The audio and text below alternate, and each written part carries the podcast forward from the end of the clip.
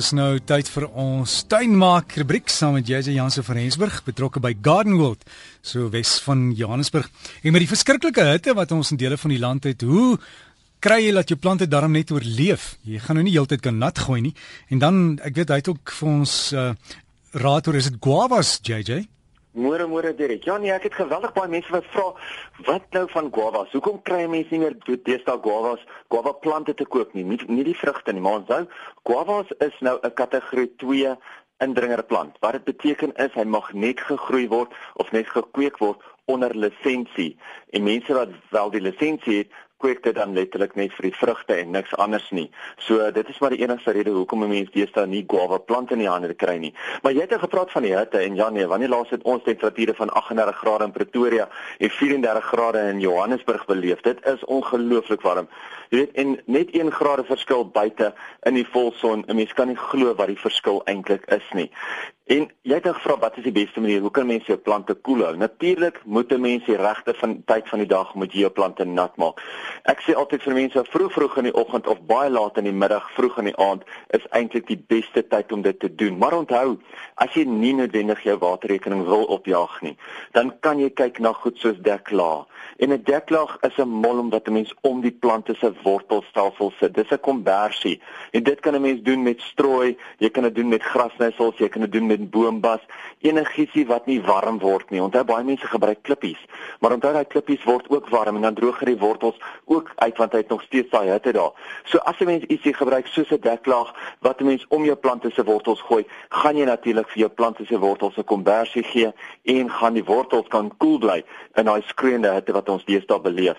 En soos ek gesê, onthou moenie jou tuin te veel nat maak nie. Moenie dit te gereeld nat maak nie. Probeer eerder om dit in die aande te doen en om seker te maak om reg nat te maak.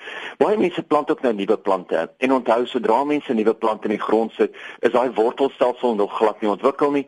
Dan moet 'n mens kyk om daai plante meer gereeld nat te maak. Veral as 'n mens kikoejo grasperke plant. Jy weet as jy 'n nuwe gras aanlei of dit nou kikoejo of watter tipe gras is, moet jy seker maak dat jy vir daai eerste 2 weke of so daai grasperk papnat maak elke dag want onthou daai wortels moet in goeie kontak kom met die grond. Maar weer vroegoggend of laatmiddag dit is die enigste manier wat jy gaan seker maak dat jou wortels lekker gaan vat en dat jou plant suksesvol gaan wees het sê of dit nou bome struike plante saailinge of grasperk is Ek het hierdie week hordes mense gehad wat my gebel het oor twee probleme. Die eerste is natuurlik grenadellas wat nie dra nie en die tweede is varkore wat nie wil blom nie. Nou as jy wel vrugdraende grenadellas geplant het, kort jy net voeding. 'n Gewone ou 315 sal die ding doen en ek het al gesien hoe grenadellas wat nooit wou dra nie, skielik sommer 150 vrugte per plant produseer nadat dit gevoer was. Let wel, ek het gesê vrugdraende grenadellas want nie almal is vrugdraand nie. Party is net die tipe wat blomme produseer, dan sit 'n blom grenadella en hy gaan nie blom nie. Varkore vir al die gekleurde varkore blom op laasseisoen se voeding. So as jy nou nie nou wil blom nie, moet jy in elk geval maar die plante aanhou voer, sommer ook met dieselfde 315 om seker te maak dat dit blomoogies produseer vir volgende seisoen en moenie die blare afsny totdat die blare self nie teruggevrek het nie. Onthou al die energie wat in die blare sit, moet eers terugvrek tot in die bolle voordat jy daarvan kan ontslaa raak. Die laaste een vir hierdie week is natuurlik vlakke.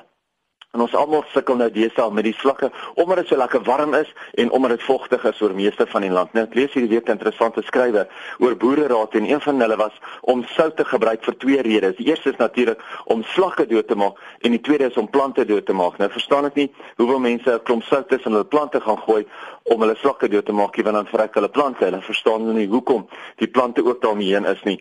Dit is natuurlik baie beter om hierso net ietsie soos 'n gewone ou snelbyt te gebruik En onthou, meeste van jou slok lokasse word wel deur vog geaktiveer. So as jy mense sou strooi en daar is 'n ligte reënbytjie of jy besit jou besproeiing aan, jy maak jou tuin effens nat, is dit nie 'n probleem nie, want hy was nie daai snel byt onmiddellik weg nie. Hy was nie daai lokas weg nie. Hy aktiveer hom net en dit is baie belangrik. Onthou, daar is ook wel organiese slakdoders beskikbaar So vir die van julle wat wel klein goed in die tuin het, vir die van julle wat wel kinders ag um, honde of katte het wat wel ietsie organies wil gebruik wat nie so giftig is nie, kyk bietjie uit, vra by jou kwekery, daar is wel organiese slakke. Ja, ja, net, net op die noot van slakke, die koringkrieke mense, ek weet is bang vir gril vir hulle. Maar onthou koringkrieke, jy hoef nie altyd gif te gooi nie. Koringkrieke leef op slakke, hulle eet slakke. Dis die ding. Baie mense ja, hulle maak onmiddellik daai koringkriek dood, maar want hulle dink die koringkriek is die een wat hulle plante opvreet, maar 'n koringkriek is eintlik 'n karnivoor. Hy eet net slakke, hy eet nie plante nie. So hy's eintlik baie goed om in jou tuin te hê. Hm, en vergeet maar die grillery, maar wees maar lig met die gif en volg die instruksies dat jy nou nie alles doodmaak nie, want hierdie goed wat jy vir die slakke gooi maak ook die koringkrieke dood, JJ. Dis korrek. Dis 100% waar, want soos die slakke die gif inneem, kry die koringkrieke die gif en dan vrek hulle ook daarvan. JJ mense wat inligting soek uh, oor waaroor jy gepraat het, hulle kom al vir jou e-pos, is daar inligting? Definitief. Jy pos vir my gerus yep. by JJ by Gardenwold, jy jy by gardenwold.co.za of kom kuier 'n bietjie vir ons hier by Gardenwold. Uh jy jy gee altyd ons adres, maar soos hier so op by ons nou deur Eiland in Mildersdrift. So gesels JJ Jansen van Rensburg daar van Gardenwold, hulle tuinboukundige en daai e-pos vir hom is jy by Gardenwold.co.za en sterkte met die slakke en ook sterkte met die hitte. Hoop dinge gaan beter.